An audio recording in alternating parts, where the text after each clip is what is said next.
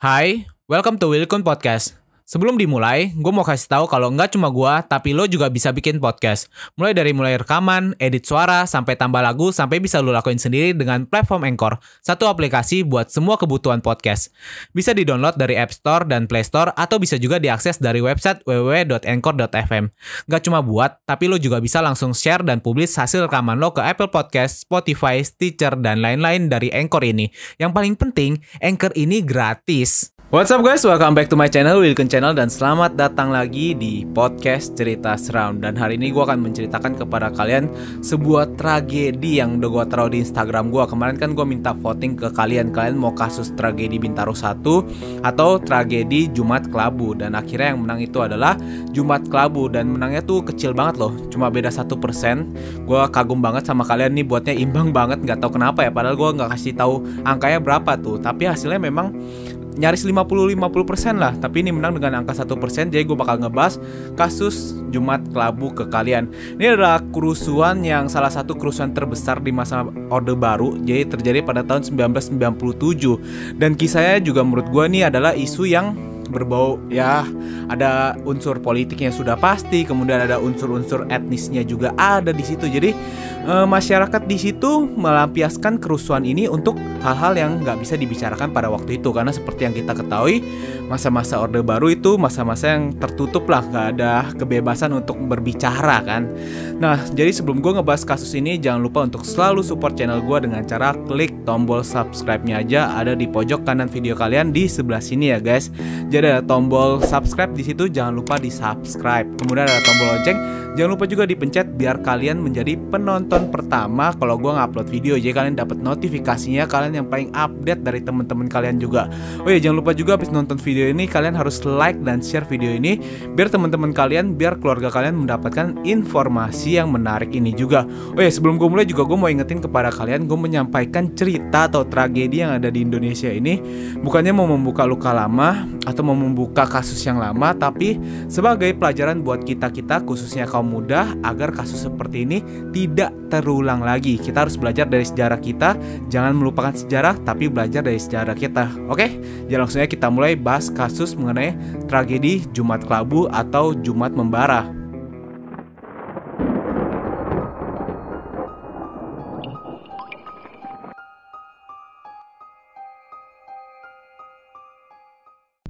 Tizen Men's Grooming Essential Tragedi Jumat Kelabu atau Jumat Membara terjadi pada tanggal 23 Mei 1997. Ini adalah salah satu kerusuhan terparah di Indonesia pada masa-masa Orde Baru.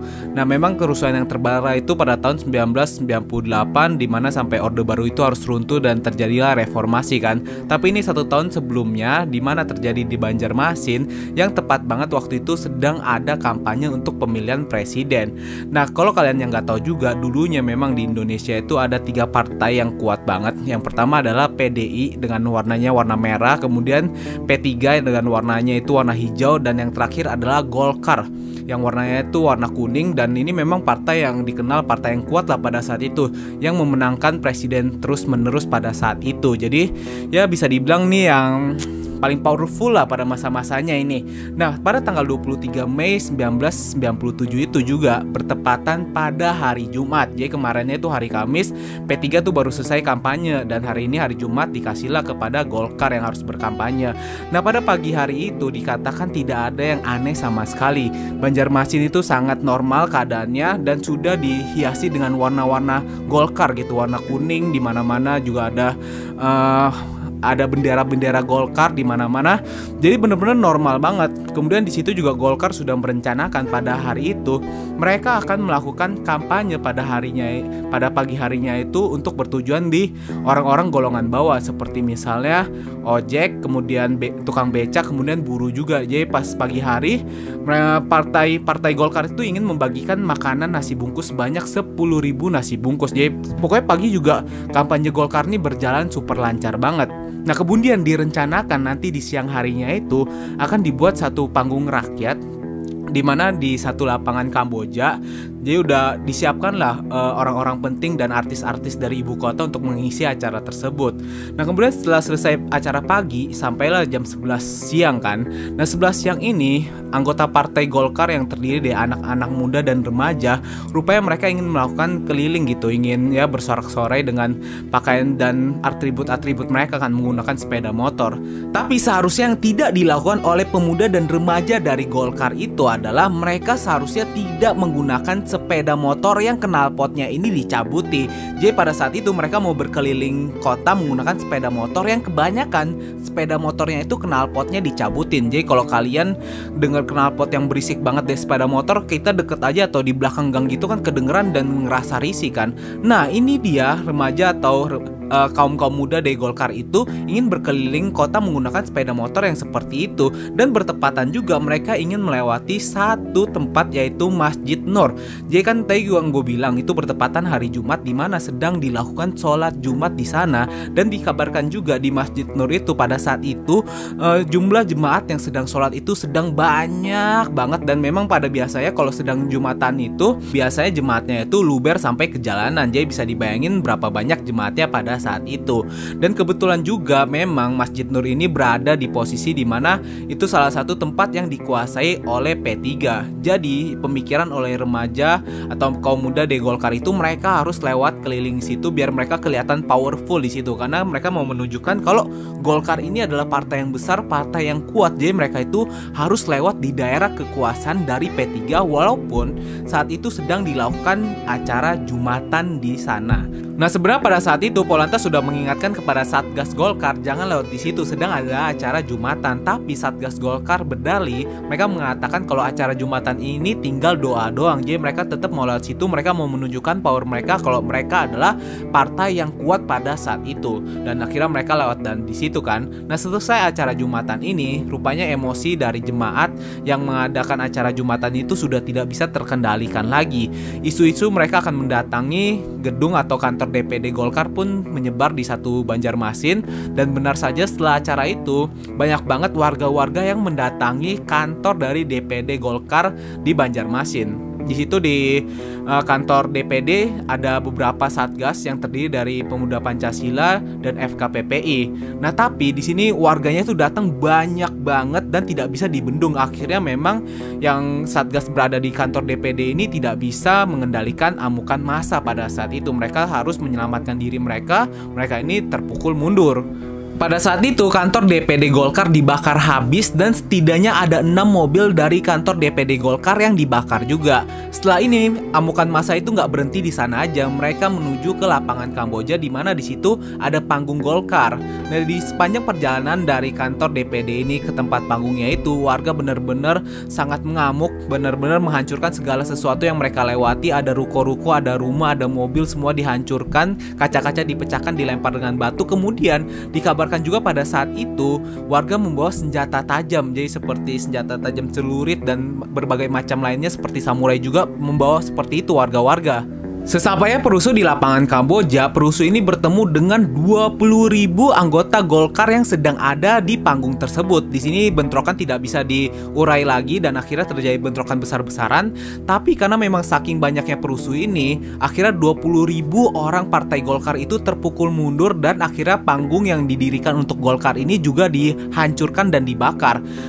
atribut-atribut dari Golkar juga tidak bisa diselamatkan lagi. Banyak banget bendera-bendera yang dibakar di situ. What's up guys? Sebelum kita lanjut, kenalan dulu yuk sama temen gue. Namanya Anchor. Anchor ini adalah all-in-one podcast editing platform yang membuat gue lebih mudah untuk rekaman, edit suara, tambah lagu, dan segala hal dalam pembuatan podcast yang sedang lo dengerin kali ini. Anchor juga bisa jadi temen lo juga loh. Cara tinggal download dari App Store atau Play Store atau juga bisa diakses di www.anchor.fm. Jadi download Anchor sekarang ya. Nah setelah itu kerusuhan tidak berhenti di situ aja setelah menghancurkan panggung yang dimiliki oleh Partai Golkar di lapangan Kamboja, para perusuh ini menuju Hotel Istana Barita Barito yang dikabarkan kalau banyak anggota dari Partai Golkar yang menginap di sana. Nah, setelah mereka berjalan ke sana, lagi-lagi mereka menghancurkan apa saja yang mereka lewati, pertokoan, rumah-rumah, kemudian sekolah, kemudian juga ada mobil, ada motor semua dihancurkan, kaca-kaca dipecahkan dan lagi-lagi ya mereka itu membawa senjata tajam jadi orang-orang nggak ada yang berani menghentikan keadaan kerusuhan ini. Ya memang pada saat itu warga takut terluka. Sesampai perusuh di depan Hotel Istana Barito, mereka bertemu dengan ribuan anggota Golkar dan kerusuhan pada saat itu tidak bisa dihindari lagi. Di sini dikabarkan para perusuh ini menggunakan atribut-atribut yang kelihatan seperti warna merah dan hijau yang identik banget dengan P3 dan PDI. Sedangkan mereka juga merusakkan atribut-atribut yang berbau Golkar gitu. Dikabarkan juga ada seorang wanita yang kelihatannya sudah menggunakan pakaian dalam doang soalnya bajunya ini yang berbau Golkar di diambil paksa oleh para perusuh pada saat itu dan dikabarkan juga tepat jam 3 listrik di kota Banjarmasin ini dipadamkan secara massal karena memang kerusuhan itu sudah sangat parah banget. Orang-orang atau warga yang menginap di hotel Istana Barito juga sangat ketakutan. Mereka lebih memilih diam di dalam kamarnya dalam keadaan gelap gulita. Di tengah gelap gulita ini tiba-tiba ada satpam dari hotel itu yang mengatakan kalau kebakaran. Wah, gila itu benar-benar. Nah, pada saat itu pengunjung di hotel itu tidak punya pilihan lain selain meninggalkan hotel tersebut. Jadi keadaan di Banjarmasin itu sudah sangat kelam banget, sudah sangat mencekam pada saat itu. Kemudian beralih ke pertokoan Mitra Plaza. Pertokoan Mitra Plaza adalah salah satu pertokoan terbesar di Banjarmasin pada saat itu. Nah, sebenarnya jam 3 tuh pimpinan Mitra Plaza sudah memutuskan karena sangat besar banget kerusuhan ini, akhirnya memutuskan untuk menutup sementara Mitra Plaza pada saat itu. Jadi para karyawan, para pekerja yang bekerja di Mitra Plaza pada saat itu dipulangkan dan toko-toko ditutup pada di situ. Dan kemudian sudah disiapkan juga pagar betis, tapi karena saking hebohnya, saking parahnya, saking chaosnya keadaan pada saat saat itu, pagar betis yang dibuat oleh pimpinan uh, Mitra Plaza ini ditembus oleh para perusuh dan akhirnya para perusuh itu masuk menghancurkan Mitra Plaza, kaca-kaca dipecahkan, toko-toko dijarah pada saat itu, dan akhirnya ada sebuah mobil sedan berwarna putih yang ditabrakkan ke sebuah kios toko dan akhirnya dibakar.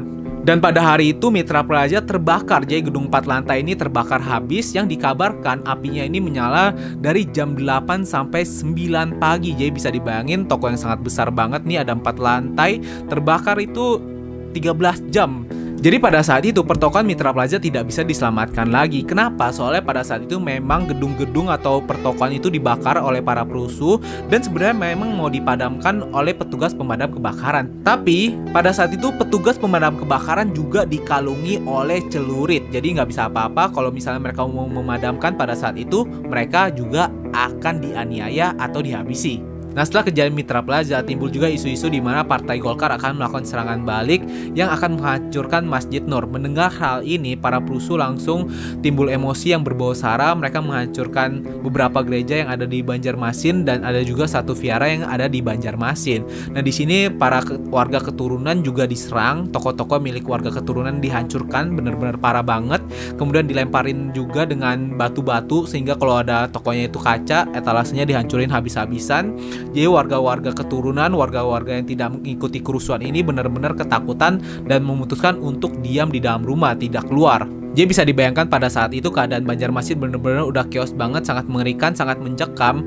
Gedung-gedung dibakar, pertokoan juga dibakar, ditambah lagi Mitra Plaza yang terbakar luar biasa hebat banget, nggak boleh dipadamkan. Orang-orang yang sedang menjara di dalam Mitra Plaza juga terpanggang habis karena ya mereka nggak tahu apa-apa. Tiba-tiba Mitra Plaza udah terbakar mereka udah nggak bisa keluar dari Mitra Plaza tersebut. Kemudian polisi baru bisa bertindak pada saat itu jam 10 malam karena pada jam 10 malam itu juga diturunkan 1000 anggota dengan perlengkapan lengkap dan di jam 11 juga pasukan diperbolehkan untuk menangkap dan menindak tegas orang-orang yang melakukan kerusuhan pada saat itu. Jadi kalau misalnya mereka benar-benar nggak bisa dikendalikan lagi, pasukan diperbolehkan untuk menembak di tempat pada saat itu. Dan mengerikannya, walaupun pasukan datang jam 10, kerusuhan ini belum bisa dihentikan pada saat itu. Kerusuhan masih berlanjut sampai jam 1, di mana para perusuh ini sudah berencana ingin memperluas kerusuhan ini meluas dari Banjarmasin. Tapi untungnya pada saat itu, warga-warga sudah memblokir jalan-jalan, kemudian pasukan juga sudah memblokir daerah luar kota. Jadi, para perusuh itu tidak bisa keluar dari kota Banjarmasin. Dan akhirnya pasukan dari jam 1 sampai jam 3 subuh melakukan razia di beberapa kampung di Banjarmasin yang diduga adalah tempat untuk merencanakan kerusuhan pada saat itu. Dan dari kejadian ini juga ditangkap atau diamankan orang-orang yang diduga merencanakan hal ini sebanyak 195 orang. Tapi pada saat itu orang-orang yang ditangkap sudah benar-benar udah babak belur, mukanya itu nggak bisa dikenali lagi.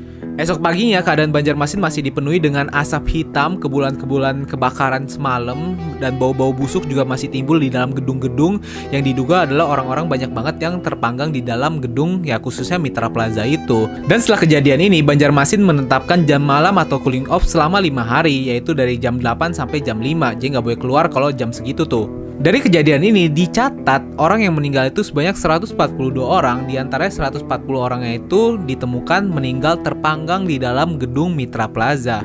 Dan dikabarkan juga ada 199 orang yang menghilang dan akhirnya ditemukan dua, akhirnya 197. Dan kalau dihitung dijumlahkan kurang lebih orang yang meninggal itu secara tertulis itu 302 sampai 320 orang. Tapi walaupun secara catatan tertulis seperti itu bisa dilihat dari jumlah orang yang mengikuti kerusuhannya mungkin jumlahnya ini masih banyak banget tapi nggak ada yang bisa membukanya karena pada saat itu uh, keadaan pers itu bener-bener di press banget pada saat itu. Jadi informasi itu nggak bisa keluar dari kota Banjarmasin. Orang-orang yang menerima informasi juga ya sepertinya ditutupi. Dan pada saat itu juga ya susah banget untuk mengungkapkan kasus seperti ini ya. Ditambah lagi orang-orang yang menyelidiki kasus ini pada saat itu sudah pasti sudah tua atau mungkin sudah meninggal. Jadi untuk menyelesaikan atau membuktikan kembali kasus ini apa sih penyebab sesungguhnya itu udah sangat susah banget keterbatasan informasi apalagi. Nah itu dia cerita yang gue ceritakan kepada kalian tentang kerusuhan Jumat Kelabu atau tragedi Jumat Membara. Nah kalau misalnya gue menyampaikan cerita atau tragedi ini ada salah-salah, mohon dimaafkan, bisa dikoreksi juga. Gue sangat open minded banget. Jadi kalau misalnya gue ada salah cerita kalian bisa koreksi gue di kolom komentar. Gue sangat menghargai dan gue ikut akan ikut diskusi juga jadi kalau kalian mau diskusi tentang tragedi ini silahkan tinggalin pendapat kalian di kolom komentar pasti gue baca dan kalau misalnya gue salah-salah kata juga dalam penyampaiannya mohon maaf sekali gue menyampaikan cerita atau tragedi ini sekali lagi gue mau menyampaikan kepada kalian untuk pembelajaran kepada kita khususnya orang-orang kaum muda agar sejarahnya itu tidak dilupakan malah menjadi pelajaran untuk kita-kita ya. Nah itu dia guys cerita pada hari ini. Thank you banget buat kalian yang udah selalu support gue dan udah selalu nonton. Nah buat kalian yang mau request juga atau pengen gue ngeceritain hal sesuatu bisa langsung aja request di kolom komentar juga atau bisa langsung DM di Instagram gue di Willy guys. So thank you guys for watching this video. Jangan lupa untuk like dan share video ini biar teman-teman kalian juga mendapatkan informasi yang menarik. So itu dia guys. See you guys in the next video. Ciao.